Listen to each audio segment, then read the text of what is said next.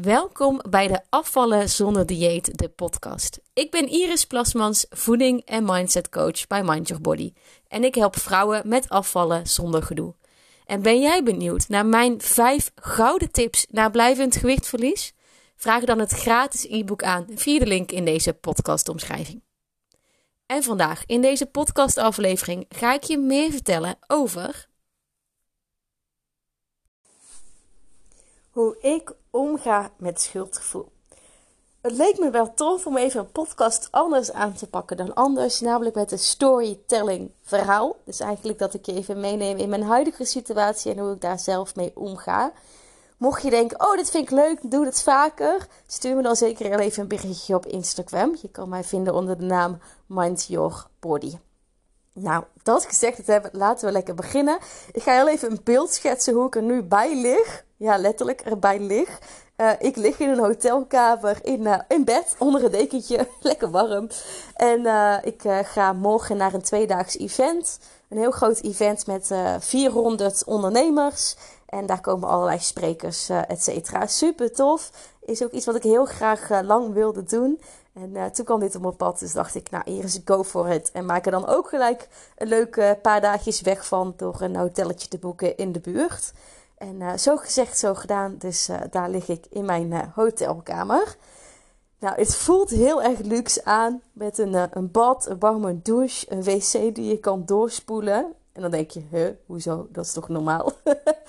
maar ik woon dus sinds 1 oktober fulltime op een zeilboot. Mocht je mij dus ook uh, volgen op Instagram, dan uh, ken je dit verhaal al. Ik heb uh, per augustus, of hebben wij ons huis verkocht, moet ik zeggen. En ingehaald voor een zeilboot voor een leven vol avontuur. Nou, misschien dat ik daar ooit nog een keer een podcast over ga opnemen. maar nu wil ik het dus hebben over schuldgevoel. Je kunt je dus voorstellen, als je dus op een zeilboot woont, wat nou, toch wel minder luxe is dan een gemiddeld woonhuis, dat ik echt een beetje een shock kreeg van de luxe van een hotelkamer. Terwijl dit gewoon echt een basic hotelkamer is. Het is geen uh, suite of zo. En ik merkte aan mezelf dat ik daar heel erg aan moest wennen. En dat kwam tot volgende in uiting. Ik kwam binnen in de kamer en ik was eigenlijk al best wel moe van de dag en van de afgelopen weken. Uh, lange werkdagen gehad en dat is ook helemaal niet erg. Dat hoort er ook bij soms. Uh, maar ik was gewoon een beetje moe neem daarbij opgeteld dat zo'n event waar heel veel ondernemers komen, waarvan je eigenlijk niet eens precies weet wie er eigenlijk allemaal komt en of je bepaalde mensen kent die er komen, dat dat natuurlijk ook een beetje onzekerheid met zich uh, oproept. Van goh, hè, ga ik dan wel leuke mensen vinden en wie komen er allemaal en ga ik wel leuke dames vinden waar ik mee kan, kan kletsen en gaat het wel een beetje uitpakken zoals ik graag zou willen. Dus nou ja, ik blijf zoiets toch, ook al praat ik heel vlot, maak ik heel makkelijk contact met vreemden en ga ik daar juist heel erg van aan, vind ik dat stiekem diep van binnen toch altijd wel een beetje spannend. Dat komt denk ik ook deels door mijn persverleden, dat zo'n groep, dat blijft af en toe, niet altijd, maar af en toe blijft dat soms nog een beetje triggeren. En ik denk als jij uh, misschien ook wel een persverleden hebt gehad in het verleden, uh, dat dit wel herkenbaar voor je klinkt, dat zoiets altijd een beetje spannend blijft. Nou, dat gezegd te hebben ik kwam binnen in mijn hotelkamer. En nou ja, dan ga je natuurlijk even een rondje lopen. Oh, wat vet, wat leuk. Oh, oh, leuk, leuk, leuk. En ik merkte al aan mezelf dat ik een beetje moe was. En een paar dagen weg maakt pas compleet als je een zak krookje paprika chips bij hebt. Tenminste, als je Iris heet. dus in mijn zak die ik, uh, of in mijn zak, in mijn tas die ik mee had, zat natuurlijk ook een zak krookje paprika chips. Gewoon gezellig, als ik er zin in heb, kan ik het pakken. Het hoeft niet op, het hoeft niet open. Het is er gewoon, het mag er ook gewoon zijn. Maar ik merkte dat ik dus en moe was, deels overprikkeld van de afgelopen weken en alle spannende dingen die ook weer in mijn bedrijf gebeuren en in mijn privéleven gebeuren. Um, en daarbij natuurlijk ook nog dat het best wel iets luxe is wat je in je eentje aangaat. Dat je, terwijl Jeffrey nu gewoon op de zeilboot uh, zit in zijn eentje. Dat ik een beetje ja, voelde. Ik voelde me niet uh, on top of the world. Ik voelde me niet heel vrolijk. Ik voelde me een beetje schuldig. Ik voelde me een beetje verdrietig. Dus wat gebeurde er? Ik ging op bed liggen. Ik pakte die zak kroki chips uit mijn tas. En het ging geheel onbewust. Ik maak die zak open. En ik ga echt vijf minuten lopen eten. Gewoon een paar flinke handen. En toen dacht ik op een gegeven moment... Iris, wat doe je nu? wat ben je nu weer aan het doen? Waar, hè? Weet je, wat gebeurt hier?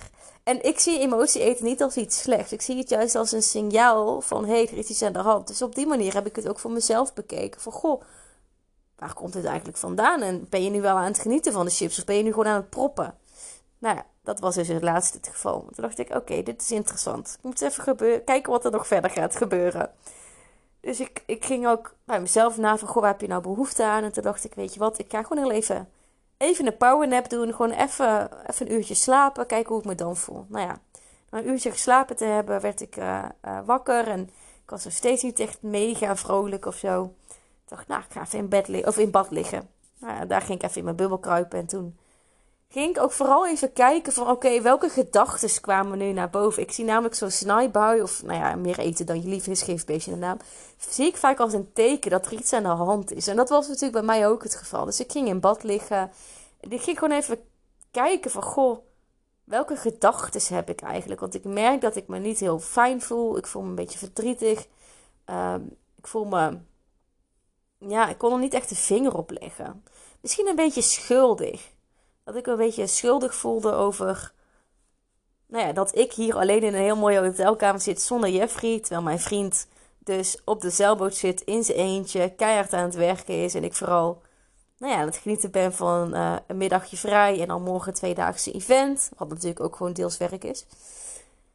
Ja, dus ik kreeg allerlei gedachten. En die gedachten triggeren een emotie. Maar een emotie duurt maar 90 seconden. Alleen je kunt je dus heel de dag verdrietig of down of, of juist heel blij en verliefd voelen. Door een gedachte die je constant blijft herhalen. En toen ging ik dus gewoon heel even kijken van... Welke gedachten heb ik eigenlijk? Dus ik, ik lag in bad en ik ging gewoon even alle gedachten de revue laten passeren. Van oké, er is deels een stem in mij die een beetje onzeker is. Dus spannend vindt van de dag later. Of wat er de volgende dag gaat gebeuren met het event.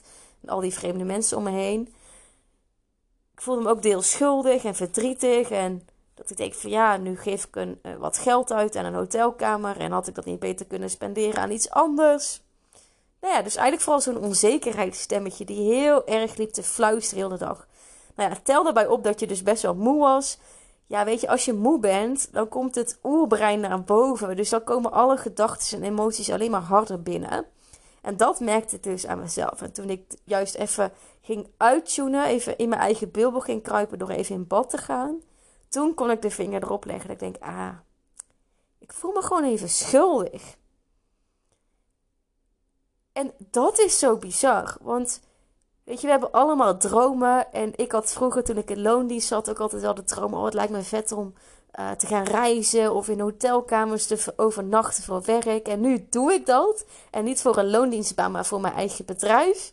En nu voel ik me schuldig. Hallo, mindfuck. en ik denk dat jij dit ook wel herkent. Weet je, dat je je schuldig voelt omdat jij bijvoorbeeld uh, een weekend weg bent met een vriendin. En dat man lief thuis zit met de kinderen. Of dat hij gewoon het huishouden runt of schoonmaakt. Of, uh, en jij allemaal leuke dingen doet. Of dat je een dagje naar de sauna bent terwijl uh, iemand anders voor je kinderen zorgt. Of hè, vooral moeders hebben dat heel vaak, hè, die tweestrijd van nou, je wilt een hele leuke moeder zijn, maar je wil ook een leuke vriendin zijn en je wilt ook een fijne carrière hebben. Alle ballen die je in de lucht houdt. En weet je, ik denk dat dat ook deels het vrouwelijke brein is. We willen heel graag voor iedereen zorgen en we cijferen onszelf vaak daarbij weg. Maar wat het mooie is aan vrijheid of aan, aan dankbaar zijn of aan uh, genieten van dingen, is het jezelf gunnen. Gunnen om te mogen genieten in je eentje. Maar dat is zo spannend. Want dan krijg je al die beperkende gedachten naar boven. Van ja, ben ik het wel waard?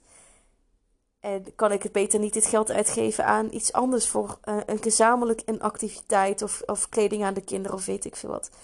Maar je moet het altijd eerst jezelf gunnen.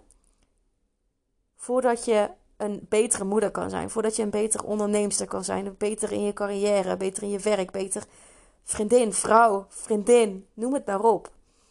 En daar zie ik het vaak misgaan. Dus hoe ik dit nu heb geswitcht eigenlijk, want daar gaat het om, is dat ik eigenlijk deze hotelkamer binnenkwam met, nou ja, beetje overprikkeld, hè, vermoeid, ehm, een beetje, nou, een beetje meh gevoel eigenlijk. Heb ik het uiteindelijk weten te switchen naar dankbaar zijn. Van, oh, maar wat tof dat ik mezelf dit gun. Wat tof dat ik gewoon ook mezelf gun om gewoon even lekker roomservice te bestellen. Weet je, dat ik niet in mijn eentje in, in, een restaurant hoef te zitten. Weet je, ik vind het allemaal niet meer zo spannend. Ik heb de halve wereld rondgereisd in mijn eentje. Ik draai mijn handen niet voor om om in een eentje in een restaurant te zitten. Maar ik gun mezelf gewoon heel mijn leven in mijn bubbel te kruipen. En weet je, door het jezelf dingen te gunnen. En vooral om te zeggen, ik kies ervoor om hiervan te genieten. Ik kies ervoor om hier, om dit mezelf te gunnen. En dat het ook oké is. Merkte ik ook aan mezelf dat ik dus ging switchen in emoties. Dat ik ging switchen in een staat van zijn. Dat ik daarna ook veel rustiger werd. Dat ik ook nu, terwijl ik deze podcast opneem, naar een zak krokie paprika chips ligt die op een bureautje ligt tegenover me. Dat ik denk, ja, weet je, het is ook oké. Het mag er gewoon zijn. Ik ga het nu niet meer pakken. Boeien. En dat ik dan denk, potverdikke me, ben ik mezelf dankbaar dat ik dit kan en mag doen. En dan zul je merken dat je gelijk ah, gewoon 5 kilo lichter voelt. Makkelijk hè, dat afvallen. maar hier zit de kern. Jezelf gunnen dat je voor jezelf goed mag zorgen. En als laatste, um, wat ik daaraan wil toevoegen, is dat relativeren daarbij natuurlijk heel erg helpt. Maar wat ik dan ook nog vaak zie gebeuren, is dat we het dan gaan onderdrukken met gedachten. Van, hé, hey, ik voel me een beetje meh, terwijl ik alleen in een best wel mooie hotelkamer zit. En dat je dan gedachten gaat krijgen van, nou, stel je niet zo aan. En dit is toch hartstikke leuk. En uh, het is super luxe. En wend daar nu maar aan. En uh, het is toch ook goed. En huh, zit niet zo te miepen, weet je wel. Maar daarmee erken je dus niet die gevoelens. En hoor, zie en begrijp je jezelf niet. Terwijl dat juist is wat je op dat moment nodig hebt. Zeker als je moe bent, zeker als je deels overprikkeld bent. Dus juist door dat, zeg maar, te neerslachtig naar die emoties te gaan kijken, zul je ook merken dat daardoor ook bijvoorbeeld eerder een, snijpartij naar boven komt. Of dat je dan eerder nog, nog eigenlijk meer in die emoties blijft hangen. Dus weet je, het erkennen van emoties is heel belangrijk, maar je hoeft er dus niet in te blijven hangen. En dat heb ik natuurlijk deels uitgelegd hoe ik die switch voor mezelf heb gemaakt. Vond je deze podcastaflevering interessant en wil je alles even rustig nalezen? Vraag dan het gratis e-book aan via de link in de podcastomschrijving of via mindyourbody.nl. En dan hoor je mij weer bij de volgende podcastaflevering.